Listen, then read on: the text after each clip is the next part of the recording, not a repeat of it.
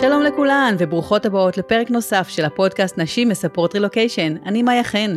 אני יועצת רילוקיישן, מלווה יחידים ומשפחות שעושות רילוקיישן ונותנת להם כלים מעשיים, כלים אימוניים וידע לרילוקיישן מוצלח. אני גם מנהלת את קהילת ביחד ברילוקיישן בפייסבוק, בעלת הבלוג 20 דקות מסיאטל, ובוגרת רילוקיישן בעצמי של 10 וחצי שנים לסיאטל, ארצות הברית. בפודקאסט הזה אני מראיינת נשים ישראליות מכל רחבי העולם שנמצאות ברילוקיישן. יחד נשמע את הסיפור שלהן, נכיר את האתגרים שהן עברו, את הקשיים שהיו להן ואת הצמיחה וההתפתחות שהן חוו. ואני מקווה שכמו שהסיפורים האלה חיזקו אותי, ככה הם יחזקו גם אתכן, כדי שבסופו של דבר תדעו שאתן לא לבד, גם אם אתן רחוקות מהבית. היום אני שמחה מאוד ונרגשת לארח את ליאת שמרלינג מאיר המהממת. ליאת מתגוררת בשנה האחרונה במרילנד, ארצות הברית. לשם עברה עם משפחתה בתור שליחת הוראה בבית ספר יהודי בוושינגטון די.סי. ליאת מחנכת בבית ספר יסודי ובעלת הבלוג מורה בפיג'מה, שעוסק בחינוך, ילדים, הורות וכל מה שביניהם. ליאת נשואה לעידן ואימא לאביגיל בת החמש ולרני בן השלוש שאתמול חגג יום הולדת. אז מזל טוב והי ליאת, מה נשמע? היי, איזה כיף שסוף סוף זה קורה. נכון, ממש ממש כיף. אתם, אני אספר ככה למאזינות שלנו שלפני, אני חושבת זה שמונה חודשים, משהו כזה. אז uh, ניסינו להקליט פרק, ובאותו היום פשוט היו לנו את כל התקלות שיכולות להיות.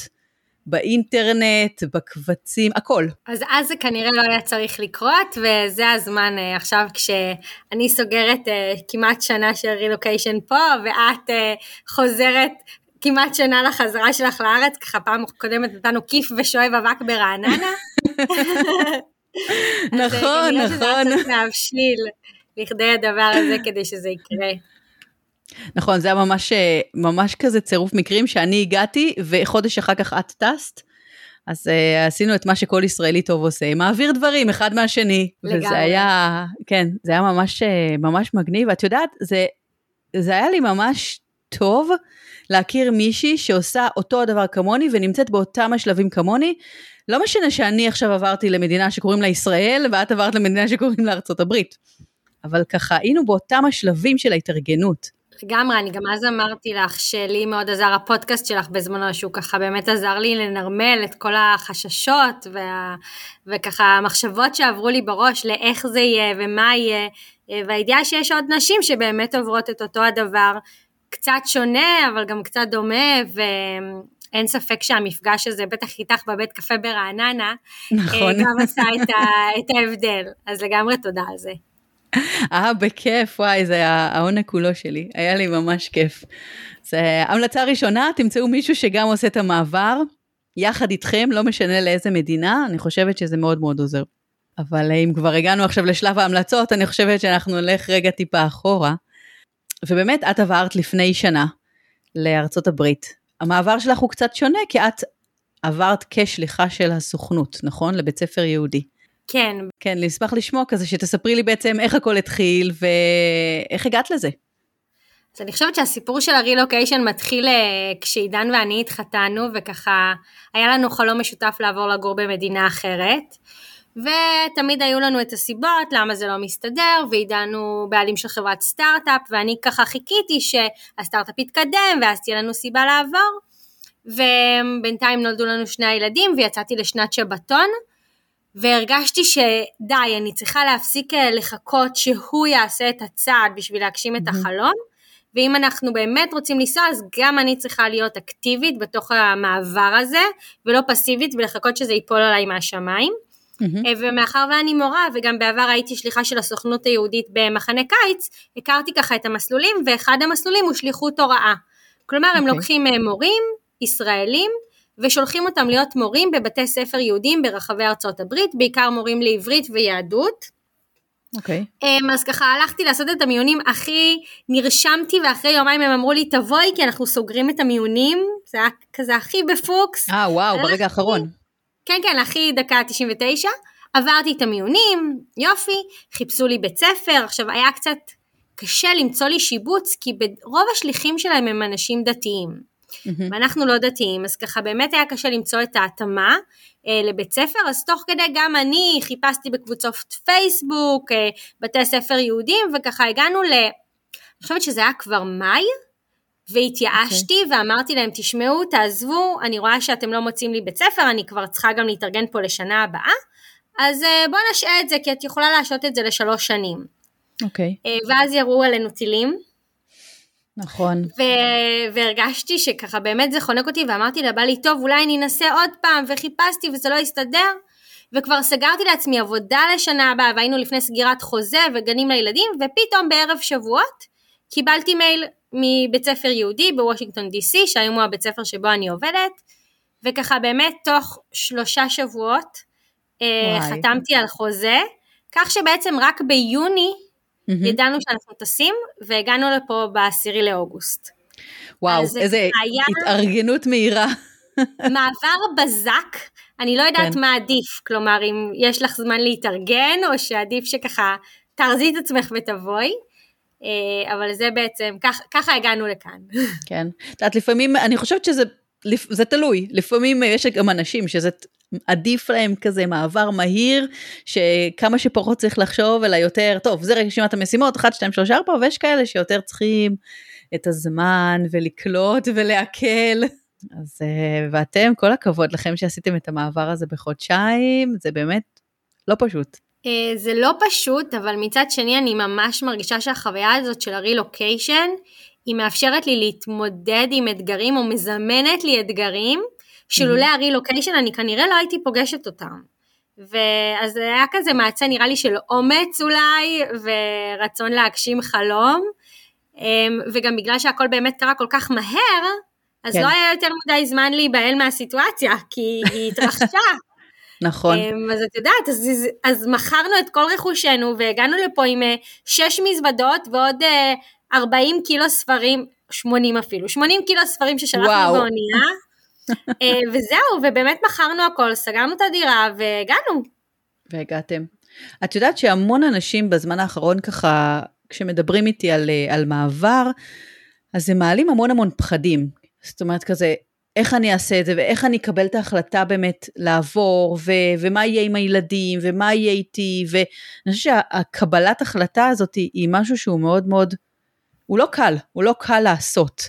אז מעניין אותי כזה, איך את עברת את התהליך הזה של, אה, של קבלת ההחלטה, של להגיד, אוקיי, בסדר, עד היום נגיד אמרו לי, אולי פה, אולי פה לא הלך, ואז פתאום יש אפשרות, כל הפחדים הם לא עלו, הם לא הציפו? ברור שהם עלו וצפו וגם אני מאוד קשורה למשפחה שלי ולחברות שלי בארץ וזה משהו שהוא מאוד חסר לי כאן, אבל אני חושבת שבגלל שמאוד רצינו שזה יקרה mm-hmm. וכבר הגענו לאיזושהי נקודה שכבר אמרנו אנחנו חייבים לנסוע, כאילו זה הזמן, אז ברגע שקיבלתי את, ה, את ההצעה, ברור שחששתי ו, ו, ובאמת לקח לי זמן לחתום על החוזה כי היה לי קשה להגיד, אוקיי, אני נוסעת, כן. אבל אני חושבת שהבנתי שאני מאוד מאוד רוצה את זה, וגם יש לנו דף כזה שהכנו לפני שחתמתי על החוזה, של יתרונות וחסרונות, וחששות ו- ודברים שאנחנו חושבים שנרוויח.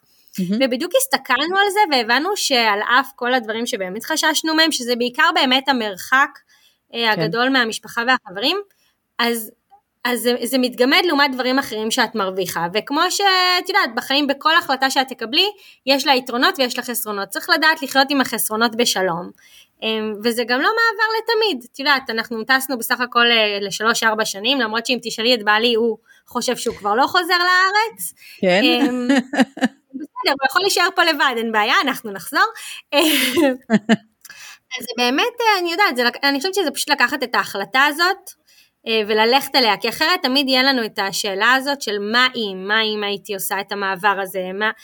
ובכלל בחיים אני חושבת ש... שאחד האתגרים שלנו זה להילחם בשדים ובדברים שמפחידים mm-hmm. אותנו, וברגע שאנחנו מתגברים עליהם, תחשבי איזה מודל זה גם לילדים שלנו, למרות שהם נכון. עוד באמת צעירים, אז אני לא כל כך חושבת שהם מבינים את המהלך כמו שהילדים שלך אולי, מבינים את המהלך של להחליט שאני עוברת עכשיו למדינה אחרת, ואני עושה את הבחירה הזאת מתוך הרצון שלי ולא מתוך זה שזה נכפה עליי או שאני חייבת. אמ, וזה באמת המון התמודדויות גם עבור הילדים, שפה חדשה, אין משפחה נכון. גרעינית, סביבה חדשה, תרבות, התרבות האמריקאית, אני לא ידעתי כמה היא שונה מהתרבות הישראלית, נראה לי שאנחנו יותר טובים לסינים אה, מלאמריקאים, אז זה באמת ככה המון מיומנויות שאני חושבת שהן מתנה לילדים שלי. נכון. על ההפסדים שהם קיימים, אין ספק, אבל בעיניי כרגע היתרונות עולים על החסרונות. איך הכנת את הילדים למעבר? בכל זאת גם חודשיים וגם ילדים די צעירים, אז מה עשית?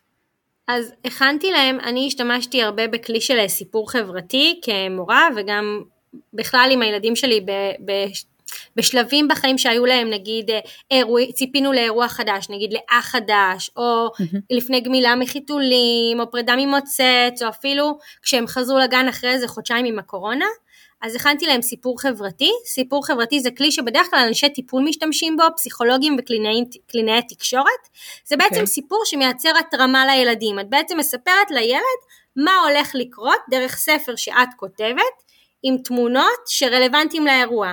אז אני ביקשתי מאנשים שגרים פה, שיצרתי איתם. קשר, לצלם לי תמונות של הבית מבחוץ ושל הגן שעשועים, אה, וביקשתי. מהגננות לשלוח תמונות של הגן.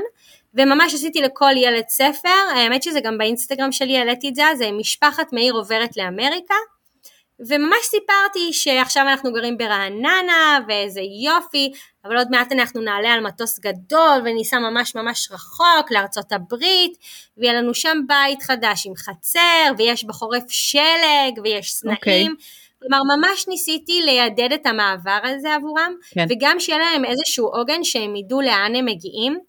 ואני חייבת להגיד שבתקופה הזאת שכבר היינו בארגונים ראיתי את החוסר שקט אצל הבת שלי, שאז היא הייתה כן. בת שלוש וחצי, וברגע שהבאתי את הסיפור הזה ונתתי לה אותו, משהו נרגע. היא הלכה וואו. איתו לכל מקום, היא הביאה אותו לגן, ואני חושבת שזה גם נורא הרגיע אותי. Mm-hmm. כי זה אפשר לי לכתוב את הסיפור שלנו במעבר נכון. הזה. אמ, וזה זה באמת ממש כלי, מקסים. הוא פשוט מאוד, כן. אבל הוא עושה הבדל, ועם ילדים יותר גדולים אפשר לכתוב את זה ביחד איתם. ואת יודעת, שמתי שם גם מה אם נתגעגע, אז אנחנו יכולים להתקשר לסבא וסבתא, ותמונה של סבא וסבתא, ובאמת ככה להרגיע את הסיטואציה, ובסוף השארתי מקום לתמונה שנדביק כשנגיע לבית החדש. כן, וואי, אז זו הייתה הכנה. זה כלי ממש ממש מקסים, אני חושבת עליו, שבאמת יש לו כמה... כמה משמעויות, so, הדבר הראשון הוא באמת מוריד מתח ולחץ, כי את אומרת לילדים מה הולך לקרות, אז הם לא הולכים לעבר הלא נודע, ועכשיו אמא ואבא החליטו מה, מה שבא להם, אלא יש להם איזשהו מבנה של משהו שהולך להיות. והדבר השני, את בעצם יצרת להם איזשהו תיאור של המציאות שהולך להיות, את יודעת, כמו שאנחנו תמיד אומרים, שכשאנחנו מפחדים ממשהו, אז אולי כדאי לכתוב איזושהי... אה, תיאור של איך אנחנו רוצים שתהיה המציאות, המציאות המיטבית שלנו שתהיה. אז בעצם עשית להם את זה, כתבת להם המציאות שלנו תהיה, שיהיה לנו הבית הזה, ונלך לגן הזה, וקצת ירד שלג, וקצת ככה, וממש יצרת להם את המקום האידיאלי שלהם. וגם באמת זה לא דרש, טוב הם גם צעירים, אבל זה לא דרש עכשיו שיחות והכנה, כלומר באמת הבאתי להם את הסיפור, קראנו mm-hmm. אותו, הם הסתובבו איתו, הם לקחו אותו לגן ולסבא וסבתא, וזה באמת ליווה אותם, ו- וזה כאן, וזה גם מזכרת נהדרת שתהיה להם אה, נכון. למעבר הזה שעשינו. נכון, אה, ויש תמונה? שמתם תמונה? יש תמונה. שלהם okay. אוקיי. יושבים בפתח הבית ואוכלים ענבים. וואלה. לא, זה ממש, זה ממש דברים מקסימים שאחר כך, אה, שאחר כך זה זיכרון, זיכרון מהמם בשבילם. כשהם יגדלו עוד קצת והם ירצו לדעת מה היה ואיך היה, אני בטוחה שהם מאוד יעריכו את זה. כן, ואני גם, תשמעי, גם לקראת המעבר, לא המעבר, סליחה, הביקור עכשיו, אנחנו נוסעים לבקר מחר בישראל, אז גם הייתי צריכה לבצע איזושהי התאמה, אה, כי הם יוצאים מהשגרה שלהם, הם, זה מאוד מבלבל, רגע אנחנו נוסעים עכשיו לישראל, אנחנו מבקרים, אנחנו חוזרים לגור בישראל, ילדים גם בגיל נכון. הצעיר הזה אין להם תחושת זמן ומרחק, אז פשוט אני הכנתי לעצמי לו"ז של ביקור, מה הולך להיות בביקור, כדי שאת יודעת, אני גם אוכל לראות שאני פוגשת את, ש, את כל מי שאני רוצה וכל הדברים שאני צריכה, אבל את אותו לו"ז בדיוק הדפסתי להם חלק, Mm-hmm. ואמרתי להם הנה פה זה אנחנו חוגגים פה יום הולדת לרני אצל סבתא אז מה אתם רוצים לצייר? אז אביגיל ציירה בלונים. ופה אנחנו הולכים לים ופה אנחנו נוסעים לחופשה. אז יצרתי להם איזושהי ודאות וגם תחמתי להם את זה בזמן. אתם רואים הנה אלה הימים שנהיה בישראל. פה אנחנו טסים פה אנחנו חוזרים לבית שלנו בארצות הברית. הם כן. צריכים ודאות, וגם אני חושבת שזה איזושהי רמה של תחושת שליטה בתוך הסיטואציה הזאת, שתכלס הם לא באמת שולטים ב, נכון. בלוז ובעניינים. אבל נכון. כאן יכולתי לשאול את מי אתם רוצים לפגוש, יש חברים שאתם רוצים לפגוש, אז זה קצת נותן להם את התחושה הזאת שיש לי, לי ודאות בתוך הסיטואציה, אני לא חסר אונים, וזה מאוד כן. מאוד חשוב. את יודעת, זה חשוב לילדים וזה חשוב גם למבוגרים. למה אנחנו בעצמנו עושות uh, תמיד את ה... נגיד, את הלו"ז הזה, ביקור בישראל, כדי שנדע. זה הימים שהם סגורים, נגיד, למשפחה, לחברים, וזה הימים שהם יותר פתוחים. אז כשאין לך את זה, אני חושבת שהפעם הראשונה שטסתי, לא עשיתי את זה. כי אמרתי, יהיה בסדר וזה, והכל היה אז בלגן מטורף באמת, ולא הספקתי, וחזרנו חזרה והרגשנו ש... סיימנו עם הלשון בחוץ כזה, אף אחד לא מרוצה וכולי, ואז למדתי את הלקח שלי, ומאותו רגע, לו"ז מסודר, ולי זה נתן באמת תחושה של שליטה ורוגע ושקט, וגם לכל האחרים. בכלל אני חושבת שכשאת גרה במדינה אה, אחרת, זרה, בלי משפחה, כל ההתארגנות שלך ככלל היא משתנה. כלומר, ארה"ב הרי צריכה לתכנן סופי שבוע אם את רוצה לנסוע לאנשהו, מראש, נכון. ולהזמין מקום הרבה זמן מראש, ו playdate עם חברים, אם הם אמריקאים, שבועיים מראש, וכאילו משהו ב, בכלל בדרך שבה את מתנהלת בעולם, הוא משתנה. את, אני הולכת מהבית, אני אומרת לבעלי לאן אני הולכת, כי אני יודעת ש... הוא לא תמיד יוכל ליצור קשר עם מישהו ולבדוק איפה אני. כאילו משהו במערך הכללי של ההתנהלות שלך, הוא פשוט משתנה, וזה מעניין לחשוב על זה. נכון, לקח לי גם את זה זמן. אני, אני זוכרת, את יודעת, נגיד, איך את אה, היום עם אה, סופי שבוע ארוכים? נגיד שבת ראשון, את אוהבת אותם? את פחות אוהבת אותם? אני מאוד אוהבת אותם, אבל לקח לי הרבה זמן להבין שאני גם יכולה לשבת בחצר, בדשא, ולא לעשות כלום כן. בסוף שבוע. כי הייתה איזושהי חוויה כזאת שאני חייבת להספיק. רגע, אני צריכה לנסוע למקום הזה, במקום הזה, במקום הזה. ועידן אמר לי, אבל רגע, אנחנו עבדנו כל השבוע. אמרתי, בסדר, אז שבת ננוח. וראשון ניסע. אבל לפעמים בשבת הכל פתוח, אז את הולכת לעשות סופר, ואת אה, הולכת לפה ולשם, ואת לא באמת רגע נחה, כי זה כמו שבוע רגיל, יום רגיל בשבוע, רק שאת לא עובדת. נכון. אמ, אז כן, זה... אני מתה על זה. גם אני, כש... וזה דרך אגב אחד מהדברים שממש חסרים לי פה בטירוף בישראל, ו... ובאמת כשעברנו לארצות הברית, בהתחלה ככה, אני זוכרת שממש אה, כוננו על ימי שישי, שאין לנו את הזמן, בלי ילדים, כי אנחנו כל הזמן איתם, בסוף שבוע, ו... ואיך אני ממלאה עכשיו יומיים של סוף שבוע, ובאמת, תראי, גם ככל שהילדים גדלים זה יותר קל, אבל גם לקח לי זמן להבין שהיומיים האלה הם כל כך טובים. כי באמת יום אחד את יכולה לעשות טיולים, יום אחד את יכולה אה, לעשות סידורים, או שאת יכולה יומיים להירגע, את יכולה לקחת סופי שבוע ארוכים.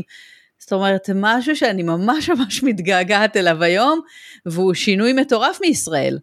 כן, אני גם חושבת שזה מאוד משמעותי איפה את גרה. אנחנו גרים בשכונה שיש בה קהילה ישראלית ענקית, בגלל שבעצם המון אה, אנשים שעובדים בשגרירות ובנספחות הצבאית מגיעים לגור פה.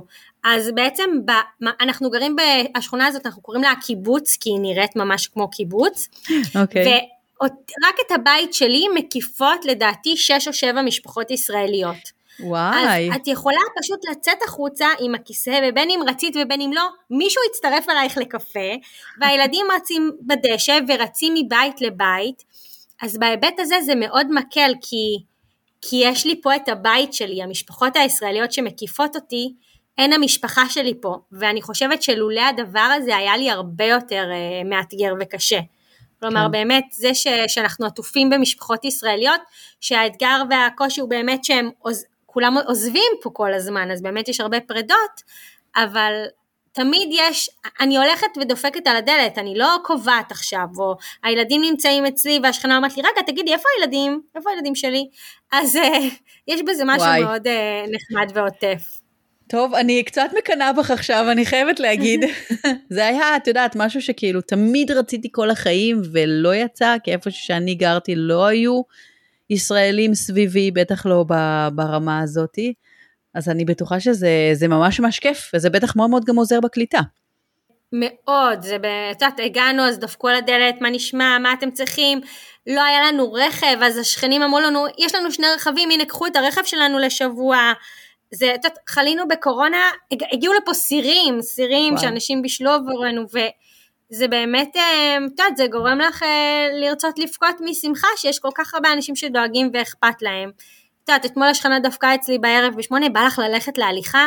לצאת להליכה, אמרתי לה יאללה ירד גשם, יצאנו עם המטריות, עברנו בחדר כושר, ראינו איזה חמישה גברים מהחבר'ה שלנו מתעמלים, כלומר, זה, זה, זה נחמד, זה באמת כזה מיני ישראל, כן. אה, אבל באמת הקושי הוא הפרדות, הנה עכשיו נפרד, נפרדנו משלוש משפחות פה. אמ, אני חושבת שזה הקושי בארצות הברית, שכשאת כבר מתחברת עם אנשים והם הופכים, נכנסים לך ללב, נכון. וגם במסגרות של הילדים, כי תגידי לי אם זה גם אצלכם ככה, אבל פה מערבבים כל שנה את המסגרת. כן. כלומר, ילדים נמצאים בכיתה, הילדה שלי בגן, ובשנה הבאה היא, היא עולה לקבוצה חדשה, אבל מערבבים את הילדים שוב.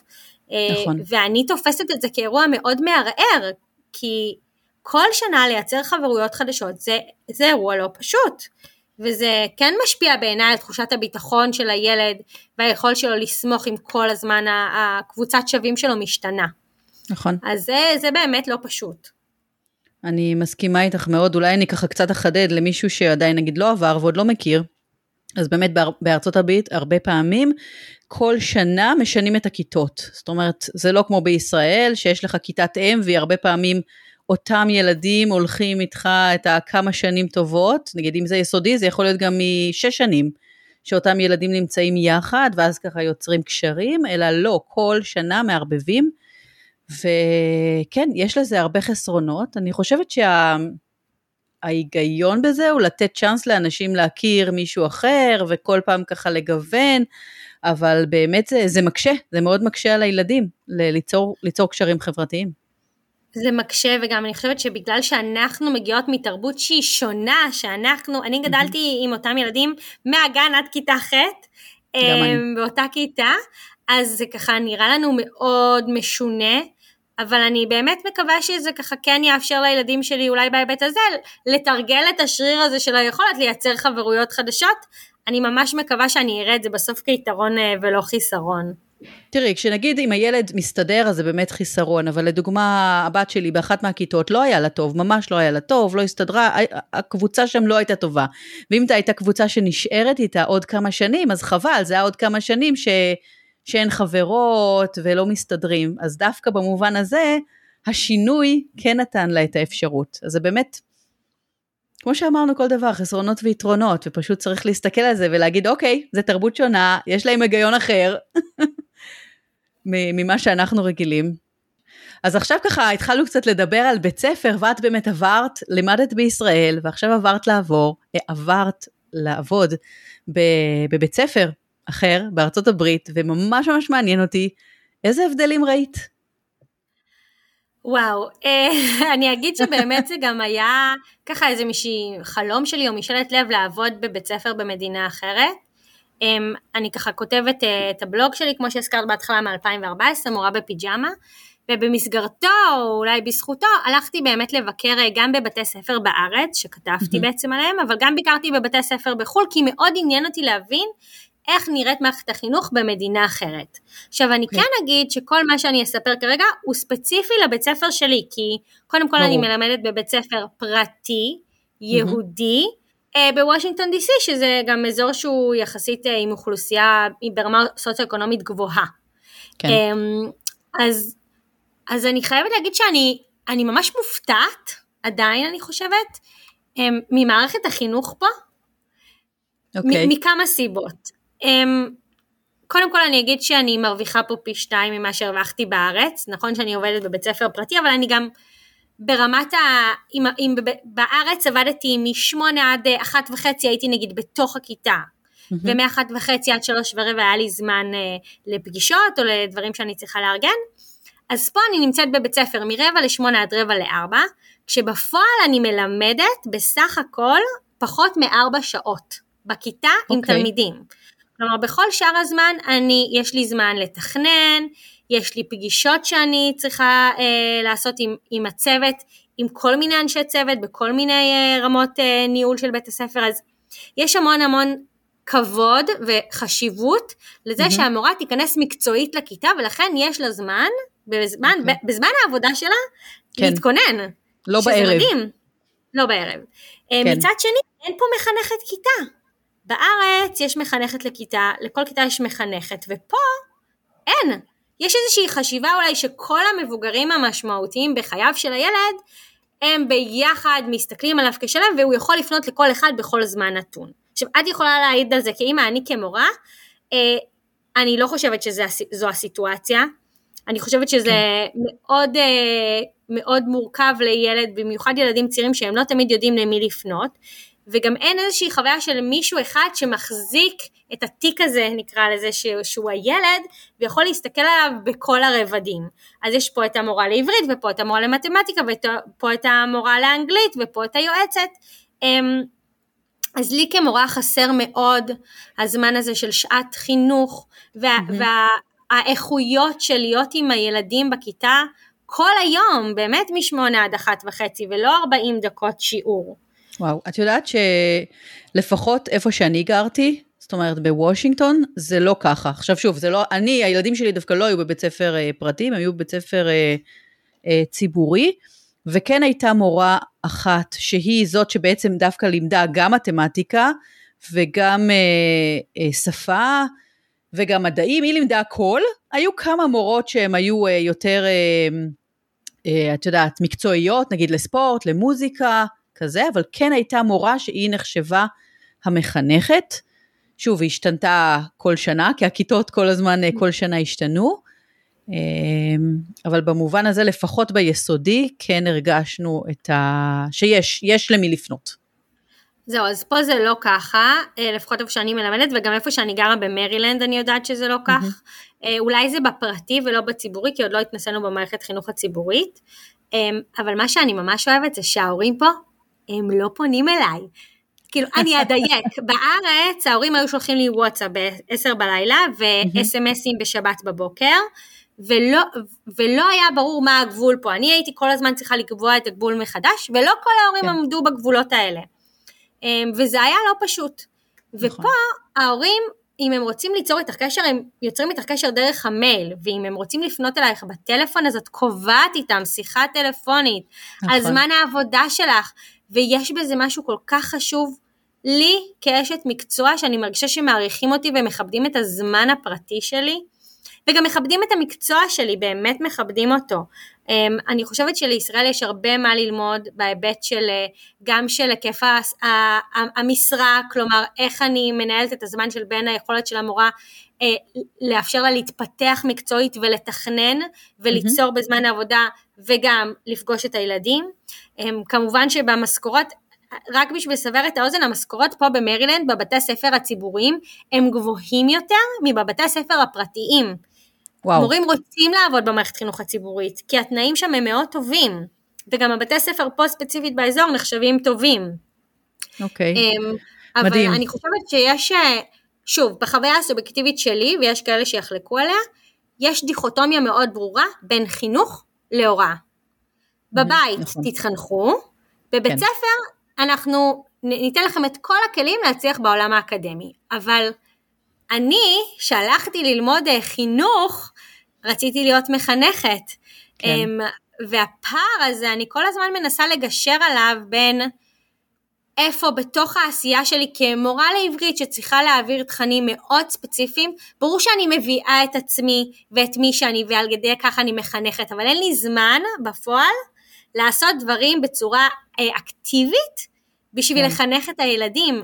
ו- ולי um, זה לא פשוט, זה, זה אתגר שאני מתמודדת איתו באופן יומיומי ואני כל הזמן מנסה לראות איפה אני יכולה עוד קצת להביא את הפן החינוכי. ושוב, נכון שבמפגש בין ילד לאדם או למורה, אז תמיד יש חינוך, אבל אני, אני חושבת שבארץ היה לי פי כן. מיליון כן. יותר זמן לזה וגם נכונות לזה ואוטונומיה, אה, נכון. ופה זה לא קיים. אני מאוד מרגישה את זה. את יודעת שב, שמבחינתי בארצות הברית, התחושה הייתה שהילדים הולכים לבית ספר ושהתחום האקדמי הוא מאוד מאוד מאוד חשוב, ועל זה שמים את הפוקוס, ובישראל עכשיו אני מרגישה שהתחום החברתי, וכמו שאת אומרת, החינוך הוא משהו שהרבה יותר שמים עליו את הדגש. יותר חשוב שנגיד הילד יהיה לו חברים, שהוא יסתדר, ש, שירגיש טוב, מאשר האם הציון שלו הוא A או B, או לא משנה ככה איך מסתכלים על זה במספרים או לא. ואת יודעת, זה שינוי ממש מטורף בתחושה. עכשיו, כמובן שכל ילד מתאים לו דברים אחרים, כי יש ילדים שיותר מתאים להם התמקדות בפן האקדמי, ויש כאלה שכבר פחות, אבל לא יודעת, אני לפחות מאוד מאוד אוהבת את, ה, את החלק הזה בחינוך. אני חושבת אבל שנשאלת נשאלת השאלה של מה בעצם התפקיד של בית ספר, אנחנו תמיד חוזרים לזה. מהו התפקיד של בית ספר? ואני חושבת שפה, בתפיסה האמריקאית, התפקיד של בית ספר זה להקנות לילדים מיומנויות שיאפשרו להם ללמוד, כדי שהם יתקבלו מהתיכון לקולג' ומהקולג' נכון. לעבודה. הכנה לקולג', ו... אין ספק. כן, ו- ואני חושבת שאפשר לעשות את שני הדברים, אני, אני ממש לא חושבת שזה צריך להיות דיכוטומי זה או זה, כלומר, ברור שאפשר לעשות את שני הדברים יחד, זה הכל שאלה של איך עושים את הדברים.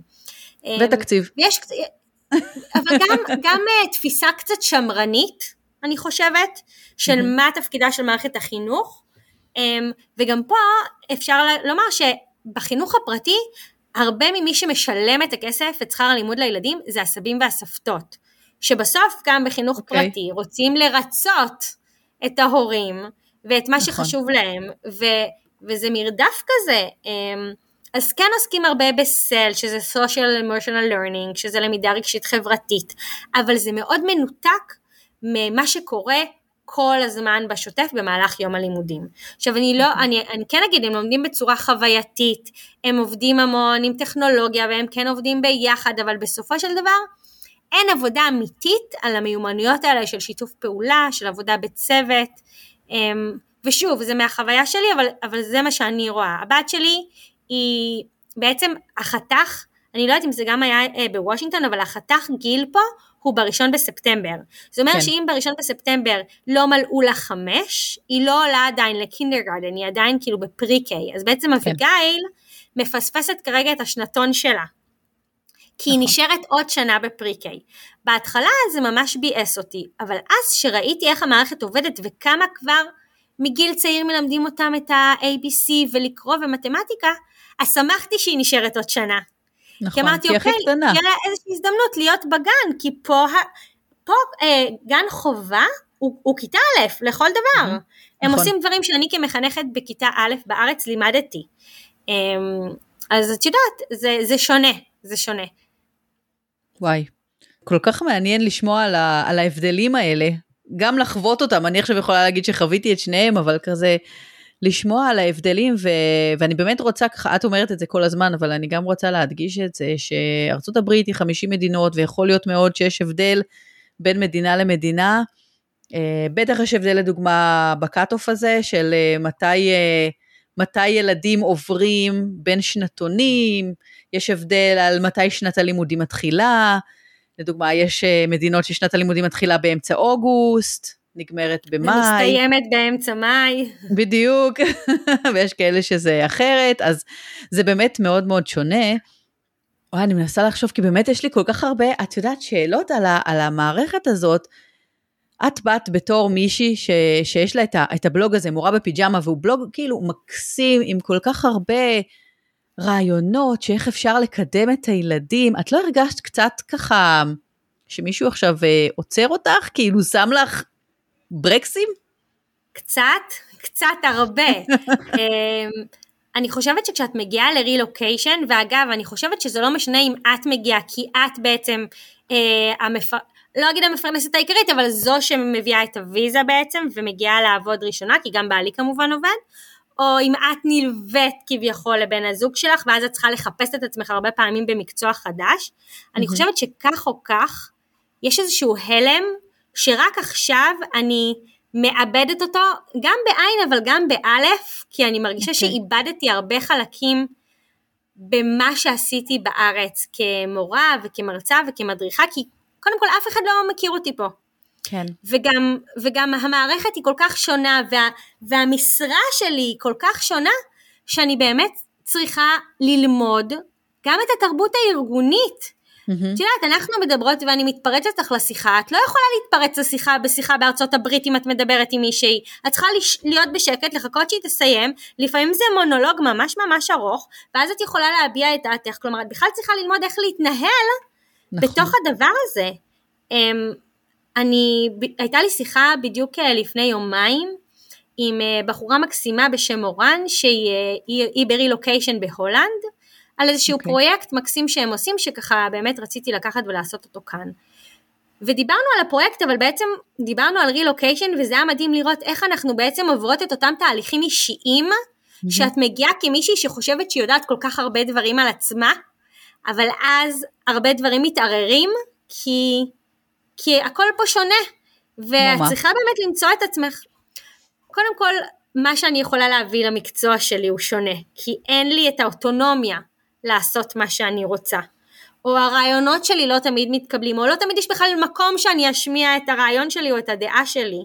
כן. הם, הילדים הם אחרים, הציפיות ממני כמורה הם שונים לחלוטין מהציפיות בארץ. אז, אז את לא יודעת איך להביא את עצמך לידי ביטוי וכמה את יכולה באמת להיות את וכמה את צריכה רגע לספוג את התרבות ורגע לא להביא את היוזמות שלך ואת הרעיונות שלך היה לי, היה לי סיכום אה, סוף שנה עם המנהלת שלי, שזה גם דבר מדהים שלא היה לי בארץ, ועבדתי כן. בשלושה בתי ספר, עבדתי תשע שנים כמורה בישראל. היה לנו אה, רפלקציה סוף שנה, גם שהיינו צריכים למלא בכתב, גם משוב שהיינו צריכים לשלוח להנהלה, וגם שיחת סיכום. אוקיי. והיא ככה אמרה לי, את יודעת, אני כל כך התרשמתי מכל הדברים שהבאת לבית ספר השנה. וככה הסתכלתי עליה ואמרתי לה, מה הבאתי? כאילו בחוויה שלי, לא הרגשתי שהבאתי את עצמי. Mm-hmm. ואז היא התחילה לפרוט דברים שהיא ראתה שעשיתי, שזה בכלל היה מדהים שהיא ראתה אותם. שזה עוד משהו ש, שהיה בעיניי אה, מרגש, זה שהרגשתי שרואים אותי פה. כן. וחשוב להם לראות את המורים. אבל בחוויה שלי הבאתי כל כך מעט, כי לא הרגשתי שאני מביאה את עצמי. אז זה איזשהו, את, את מעבר לזה שאת מעבירה את המשפחה וכל הסיפור הזה, את את בעצמך עוברת כל כך הרבה שינויים ותהליכים עם עצמך, בטח, אני מרגישה, אני מדברת כרגע על הפן המקצועי, אבל ברור שגם כן. בפן האישי, כלומר מי את ומה את מביאה ומה החוזקות שלך ואיפה את mm-hmm. לומדת על עצמך דברים נוספים, וזה ככה, יש בזה הרבה, הרבה צמיחה וגדילה, ואת, ו, וזה באמת תהליך, זה תהליך שאני חושבת שרק עכשיו אני יכולה לדבר עליו בחיוך, כי כן. זה היה לא פשוט הדבר הזה של למצוא את עצמי מחדש, כשכבר הרגשתי שבארץ הייתי במקום מאוד נוח. והייתי במקום נכון. טוב, והייתה לי, עבוד, הציעו לי עבודה מאוד שווה, כלומר, ופתאום פה באתי, ואני אני, עוד פעם, כולה מורה לעברית בבית ספר יהודי. ואת כן. צריכה להמציא את עצמך מחדש. נכון, נכון. ללמוד, על מה, ללמוד איך הדברים מסתדרים, ואיך הבית ספר עובד, ו... באמת כל כך הרבה דברים שאת צריכה ללמוד, תוך כדי זה שאת גם מכינה את הילדים שלך, ובית, ומקום חדש, נכון? ולאנצ'בוקס כל בוקר. נכון, ולהכין אוכל כל בוקר, ו... בואי נדבר על זה רגע, גם על הלאנצ'בוקס וגם על העובדה שהדבר שהכי חסר לי פה זה שאימא שלי או סבתא שלי יבשלו לי. כן. אני לא יודעת, לי לא כל כך מבשלים, אז אה, לא, אבל כשאת חיה בחו"ל, את לא, את לא יכולה יותר לאכול את האוכל של עצמך, את אומרת שמישהו כבר יבשל לי פה משהו. נכון. זה מצחיק שחבר, אה, הייתי רגילה, את יודעת, אה, כל פעם ללכת בסוף השבוע לחברה פה, חברה שם, וכל פעם לאכול אוכל של מישהי אחרת. עכשיו, חברה שלי חזרה יחד איתי, ולפני כמה שבועות אמרתי לה, תקשיבי לי, אני מתגעגעת לאוכל שלך, מתי אנחנו נפגשות? בדיוק מה שאת אומרת כזה, שאת רוצה אוכל של מישהו אחר? כי נמאס לך כבר להכין כל יום את אותו דבר, כי הילדים גם לא מגוונים שום דבר, אז זה בול. אבל את גם צריכה להכין מנה, אנחנו בבית ספר, בגנים יהודיים, אז זה חייב להיות כאילו צמחוני. אנחנו לא רוצים, כאילו זה להמציא מנות שהן גם יהיו עשירות וגם שהילדים יאהבו. Uh, בסדר, אני חושבת שכבר התגברתי על המשוכה הזאת ואני כבר מבינה איך, איך נראה התפריט השבועי שלהם uh, בלאנץ' בוקס. אבל בארץ זה ממש נחמד שהם מקבלים ארוחת צהריים חמה בגן. ופה אה, לא. נכון. וואי, איך, מעניין אותי איך הסתדרת, את יודעת, הרבה פעמים באמת, אה, עד עכשיו ראיינתי אה, נשים, שהם הגיעו שהגבר הוא זה שיצא לעבודה בהתחלה, והם אלה שעזרו יותר לילדים להיקלט, ובעצם במקרה שלכם, אני חושבת שזה היה הפוך, נכון? את יצאת כן. לעבוד די מהר, ובעלך אולי מצא אחר כך עבודה. מעניין אותי איך, איך הייתה הדינמיקה, איך, איך הסתדרתם בנושא הזה. אז בגדול אנחנו הגענו שנינו עובדים, כי בעצם עידן הוא עצמאי ויש לו חברה בישראל. אז אוקיי. פשוט לא היה לו פה אישור עבודה, אז לא משנה, זה סיפור ארוך, אבל הוא עבד. אוקיי. אבל אני התחלתי לעבוד בבית ספר בעצם עשרה ימים לפני שהתחילה שנת הלימודים. אז הוא היה איתם, ובמקביל הוא ניסה לג'נגל ולעבוד, אבל גם להיות איתם. והוא אקלם אותם בגנים, שזה באמת היה שינוי דרסטי, כי בארץ זה הייטקיסט, לא רואים אותו. כן. הוא מגיע הביתה מאוד מאוחר, ופתאום פה הוא היה צריך לקחת חלק הרבה יותר פעיל בבית. והוא כן. זה שלוקח לגנים כל השבוע, והוא זה שמחזיר מהגנים, ואני יוצאת מוקדם. אמ, אז קודם כל ברור ששמחתי עליו שהוא יעשה את הכל, והוא, ובאמת אה, זה היה בסדר, זה היה בסדר לכולם. אה, הבן שלי היה לו התאקלמות מאוד קשה, ואחרי חודש החלטנו להוציא אותו ולהעביר אותו לגן אחר.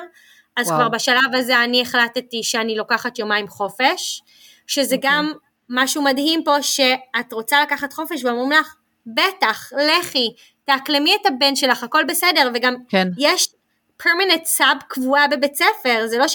בארץ הייתי צריכה להרים טלפונים לאיזה 20 נשים בשבע בבוקר לשאול מי יכולה להחליף אותי פה. אה, את וואו. שולחת... כן, כן, בארץ את צריכה למצוא לעצמך מחליפה. אוקיי, לא ידעתי. זה מאוד קשוח. אה, ופה את שולחת את מערך השיעור, את מודיעה שאת לא מגיעה והם מסתדרים. אמ, אז זה היה ממש בסדר, זה היה פחות, אמ, פחות מורכב ממה שחשבתי שזה יהיה, ואני חושבת שזה גם היה מאוד טוב גם לילדים וגם לעידן, שהוא נכנס ונהיה הרבה יותר משמעותי בחיים שלהם, נכון, והיה לו יותר זמן איתם. נכון, אבל לך זה לא היה תחושה כזאת של אה, איך אני מפקירה אותם, איך אני משאירה אותם, אני לא נמצאת יחד איתם, אני פה בעבודה ואני לא שם. לא, כי הם היו עם אבא שלהם, אז עם אבא או אמא זה ממש אה, בסדר, זה מבחינתי אה, אותו דבר. אז זה באמת- היה ממש ממש בסדר. אני חושבת שלהם זה קצת היה בהתחלה כזה איפה אימא, אבל עבר להם תוך אה, יום וחצי של אה, בריחה וארטיקים, אז זה היה בסדר. אוקיי. אז, אה, אז היום אחרי שנה שאת בתוך המערכת ככה, איך את מרגישה שזה משהו שאת רוצה להמשיך ולחקור אותו כזה? איך, את יודעת, את מערכת ההוראה בארצות הברית? אז אני חייבת להגיד שאני ככה ב... אני מאוד מבולבלת כל הזמן, מעין כזה חוויה של מצד אחד מתחשק לי נורא לעזוב את זה, כי אני מרגישה שאני לא מצליחה להביא את עצמי לידי ביטוי. אה, לא משנה שאני לא יכולה לעזוב, כי זו ויזת עבודה שלי, כן. אבל, אה, אבל איזושהי חוויה שאני מאוד מתגעגעת לסיפור הזה של לחנך, וגם ההדר... עסקתי הרבה בהדרכה של מורים, ופיתוח מקצועי של מורים, והדברים האלה מאוד חסרים לי. אבל אז אמ, כזה תפסתי את עצמי ואמרתי, רגע, אם יש דברים שאני רוצה שיקרו, אז אני פשוט צריכה לבקש אותם, ולבקש נכון. מהמנהלת שלי, ומקסימום היא תגיד לי לא, אבל אני צריכה לנסות. ואז באמת באותה שיחת סיכום שדיברנו עליה, אז אמ, ככה העליתי את הרצונות שלי ואת הבקשות שלי, בין אם זה אוקיי. לגבי, אמ, בארצות הברית, אני חושבת שזה ברוב בתי הספר, אצלנו אה, בוודאי, יש מפגש בוקר, כל בוקר, שזה משהו שנהגתי לעשות אותו בארץ, ופה המורות לאנגלית עושות אותו. אמ, שזה כזה מפגש של 20 דקות עם הילדים כל בוקר, אמ, שיושבים ומדברים וככה עושים כל מיני פעילויות נחמדות, אז זה, זה בגדול שמור למורות לאנגלית, אבל ניגשתי ואמרתי, אני ממש, זה ממש חשוב לי לעשות את זה, האם זו אפשרות? אז אמרו לי, כן, בטח. וואלה. אז כבר התווספו לי ככה שלושה דברים נוספים ללוז, וביקשתי לעשות פיתוח מקצועי, לעשות, וואי נהייתי אמריקאית, אני מתרגמת מעברית לאנגלית. ביקשתי לקבל אה, קורס בפיתוח מקצועי ומצאתי איזה קורס של אוניברסיטת הרווארד, באותו יום בית ספר כבר שילם ואמר לי, הנה, את יכולה ללכת לקורס, שילמנו עבורך. אה, ביקשתי לעבור לשבת בכיתה אחרת, כי בעצם בכיתות, ה, בכיתות האם של הילדים יושבות שתי מורות, ועד עכשיו ישבתי בכיתה ה' עם מורה שפחות התחברתי אליה, וביקשתי ללכת לשבת עם אה, מורה אחרת, והיא אמרה לי, אין בעיה, אז למדתי שאני צריכה להשמיע את הקול שלי, ולבקש את מה שאני חושבת שאני זקוקה לו כדי לעשות את העבודה שלי טוב יותר, וכדי להתפתח, והנה, קיבלתי את זה. אז אני נכון. ממש מקווה שבשנה הבאה, אה, אני גם קצת השתנו הרכבי הקבוצות שאני אלמד והרמות שאני אלמד, אז ככה אני באמת מקבלת אה, תלמידים חדשים. אז אני מקווה שעכשיו שאני קצת יותר מנוסה, אה, הן בהוראת העברית והן בדינמיקה בבית ספר ובמערכות היחסים, ואני מקבלת הזדמנויות לעשות דברים שרציתי, mm-hmm. אז שזה יהיה ככה יותר מוצלח. זה מקסים שאת, את יודעת, החלטת שוב ליזום בתחום שלך, ו... ו... לא, לא רק לחכות שזה יבוא ממישהו אחר, אלא לבוא, להביא את הרעיונות שלך ולהגיד, אוקיי, מקסימום יגיד לא, נכון? אבל הנה, אמרו לך כן, שזה ממש כן. יפה. איך המנהלת שלי אמרה? היא אמרה לי, אף פעם אף אחד לא ביקשה ממני עוד עבודה. כן, אה? אמרתי אוקיי, בסדר, אז אני הראשונה. אבל בכלל אני, את יודעת, אני לומדת פה, בכלל אני חושבת שזה משהו שלומדים בחיים, אבל בייחוד אולי במעברים, שאם את לא תדאגי לעצמך ולמה שאת צריכה ומה שאת רוצה, אז, אז אף אחד לא ידאג לך, וזה באמת להשמיע את הכל ולדאוג שדברים יקרו. את יודעת, בייביסיטר נגיד, זה משהו, מצרך מאוד מבוקש פה. נכון. כי אין, אין מי שיישאר עם הילדים, אז נגיד אני דאגתי שיהיה לי בייביסיטר פעם בשבוע, שאני אוכל ללכת לשיעור פילאטיס כשה, כשבעלי עובד, או שיהיה לנו בייביסיטר קבוע שנוכל לצאת, כלומר, את ממש צריכה לדאוג לעצמך הרבה יותר, כי mm-hmm. אין לך את כל התמיכה הזאת שאת רגילה שתהיה לך בארץ. נכון, אין אימא, סבתא, מי שישמור, אה, כאלה. מה היה הדבר שהכי, הכי... אה, היה לך מפתיע כזה בבית ספר, כאילו שבאת ואמרת, וואי, מה זה, אני ממש ממש לא מתחברת לזה. לא מתחברת? לא מתחברת. אני לא מתחברת? אני חושבת שאני לא מתחברת לעובדה ש... אני, שוב, אני מרגישה שהמורות לא מספיק הם מכירות את הילדים או עוטפות אותם, ואז נוצר מצב שלילד יש קושי ושולחים אותו כזה ליועצת. אבל רגע, אני בתור מורה יכולה לטפל בבעיה. אז כאילו כשיש בעיה, לא את מטפלת בה, לא את המורה שהרגע פגשת את הילד, אלא שולחים אותו ליועצת. וזה מטריף אותי. אז אם אני רואה ילד שיש לו איזשהו קושי, שהוא בוכה, שהוא, אני לא יודעת, הוא במצוקה, אני תמיד אנסה לעזור לו בדרך הכי טובה שאני יכולה, ואם באמת לא תהיה ברירה, אני אשלח אותו ליועצת, אבל חשוב לי שהילדים ידעו שאני רואה אותם ואני אוהבת אותם ואני רוצה לעזור להם. את יודעת, אני אומרת לילד כזה, אני אוהבת אותך, אני נותנת להם חיבוק, הם לא מבינים מאיפה באתי אליהם, המורה הישראלית שמחבקת אותנו, זה, הם לא רגילים לזה. זה פרסונל בנדרי, זה כאילו לא משהו שהוא כל כך מקובל. אז בהתחלה הם נרתעו ממני, ואחר כך הם הבינו שזה חלק מה... מההתנהלות שלי, והם הם, הם מקבלים את זה בשמחה ובאהבה. הבת שלי, הם, הייתה לה, היו לה גננות לא טובות השנה, באמת, הייתה לנו שנה לא פשוטה בגני ילדים. ועכשיו בקייטנה הגיעה גננת מדהימה, מבוגרת, שכל היום רק מחבקת ומנשקת את הבת שלי. והיא מאושרת, את יודעת, היא רק כן. חיכתה לחום והאהבה הזה. אז נכון. זה לא רק הילדה הישראלית שלי, זה כל הילדים שצריכים לדעת שאוהבים אותם. נכון. אבל תשאלי אותי למה כן התחברתי. אז למה כן התחברת? אני ממש אוהבת את זה שיש מלא ציוד. יש וואי, חדר נכון. ציוד בשפע, ברמה שאומרים, כן, תקחי הביתה לילדים. עכשיו, אני בארץ, לפעמים לא נעים לי לומר, קניתי עפרונות לכיתה, כי לא היה. וואו. ופה, פשוט תראי, זה, זה טוב ולא טוב, כי מדפיסים פה בשפע ואני משתגעת מזה שעל הבזבוז נייר והבזבוז של הציוד, אבל באמת גם הדבר הזה וגם העובדה שמאוד מאוד חשוב להנהלת בית הספר שהמורים יהיו מרוצים. Mm-hmm. כלומר, יש לך יום הולדת, אז יחגגו לך יום הולדת, ואחרי שהייתי בבית ספר תקופה מסוימת, אז המנהלת שלי כתבה לי מכתב שאיזה נפלא שאני פה וכמה אני תורמת לבית ספר, ו...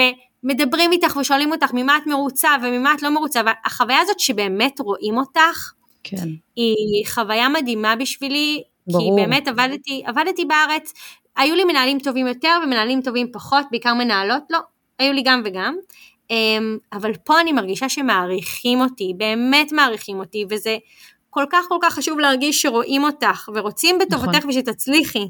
אז אני אוהבת את היחס ואת הפסיליטיז.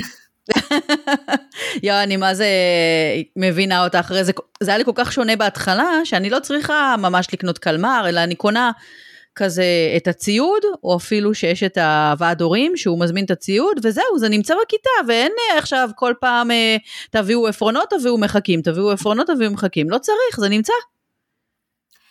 אה, כן, אבל אני חייבת להגיד לך שבדבר הזה אני חולקת עלייך, כי אני חושבת שיש סיפור שקלמר הוא, הוא מאוד מאוד חשוב לילדים מבחינת למידה של אחריות ושמירה על הציוד, ופה אין את זה, אין להם קלמר, והכל כזה, את יודעת, יש עיפרון, אין עיפרון, ניתן לך עיפרון. אז דווקא mm. בהיבט הזה אני חושבת שקלמר הוא דבר מאוד מאוד חשוב בהרבה היבטים של ארגון ואחריות, ו- ופה אין את זה. אוקיי, okay. אבל מצד שני, את יודעת, יש לך הרבה ציוד שנמצא בבית ספר, וילדים, לדוגמה, שאין להם, לא מרגישים את המקום הזה של אה, לנו אין ולמישהו אחר יש, כי פשוט הציוד הוא אותו ציוד לכולם. נכון, נכון. רציתי לשאול אותך עוד דבר, בגלל שאני ככה, היה לי ניסיון מאוד מאוד uh, רב שנים של uh, PTA, שזה בעצם ועד ההורים בבית ספר, אז מעניין אותי גם אצלכם, מה שזה גם בית ספר פרטי, אז אולי זה שונה, אבל מה הייתה מעורבות ההורים? או מה היא מעורבות ההורים בבית ספר? תראי, אני לא חווה כל כך את מעורבות ההורים, אולי כי אני המורה לעברית, אני לא יודעת, אבל אני יכולה להגיד שהוועד ההורים דואג למתנות למורים באמצע שנה ובסוף שנה.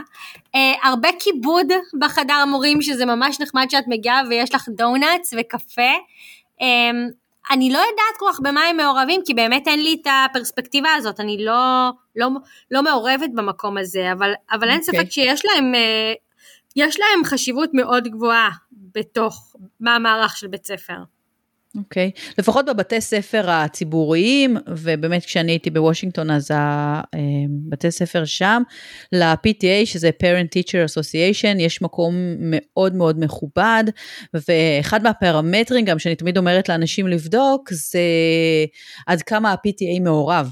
כי בעצם כשיש לך ועד הורים שהוא מאוד מעורב, אז יש הרבה יותר אירועים בבית ספר, יש יותר פעילויות, יש יותר כסף, כי זה בעצם ה-PTA הוא non profit ומגייסים כספים לטובת הבית ספר, אז זה אחד מה... פרמטרים הבאמת חשובים לדעת על איך הבית ספר מתנהל, אה, אבל יכול להיות שזה באמת קצת שונה גם בבית ספר פרטי. אני, אני יודעת שהם מארגנים הרבה מאוד אירועים, אני פשוט לא מעורבת כי אני מורה, וזה יותר אירועים שהם בעצם לילדים, למשפחות של בית הספר.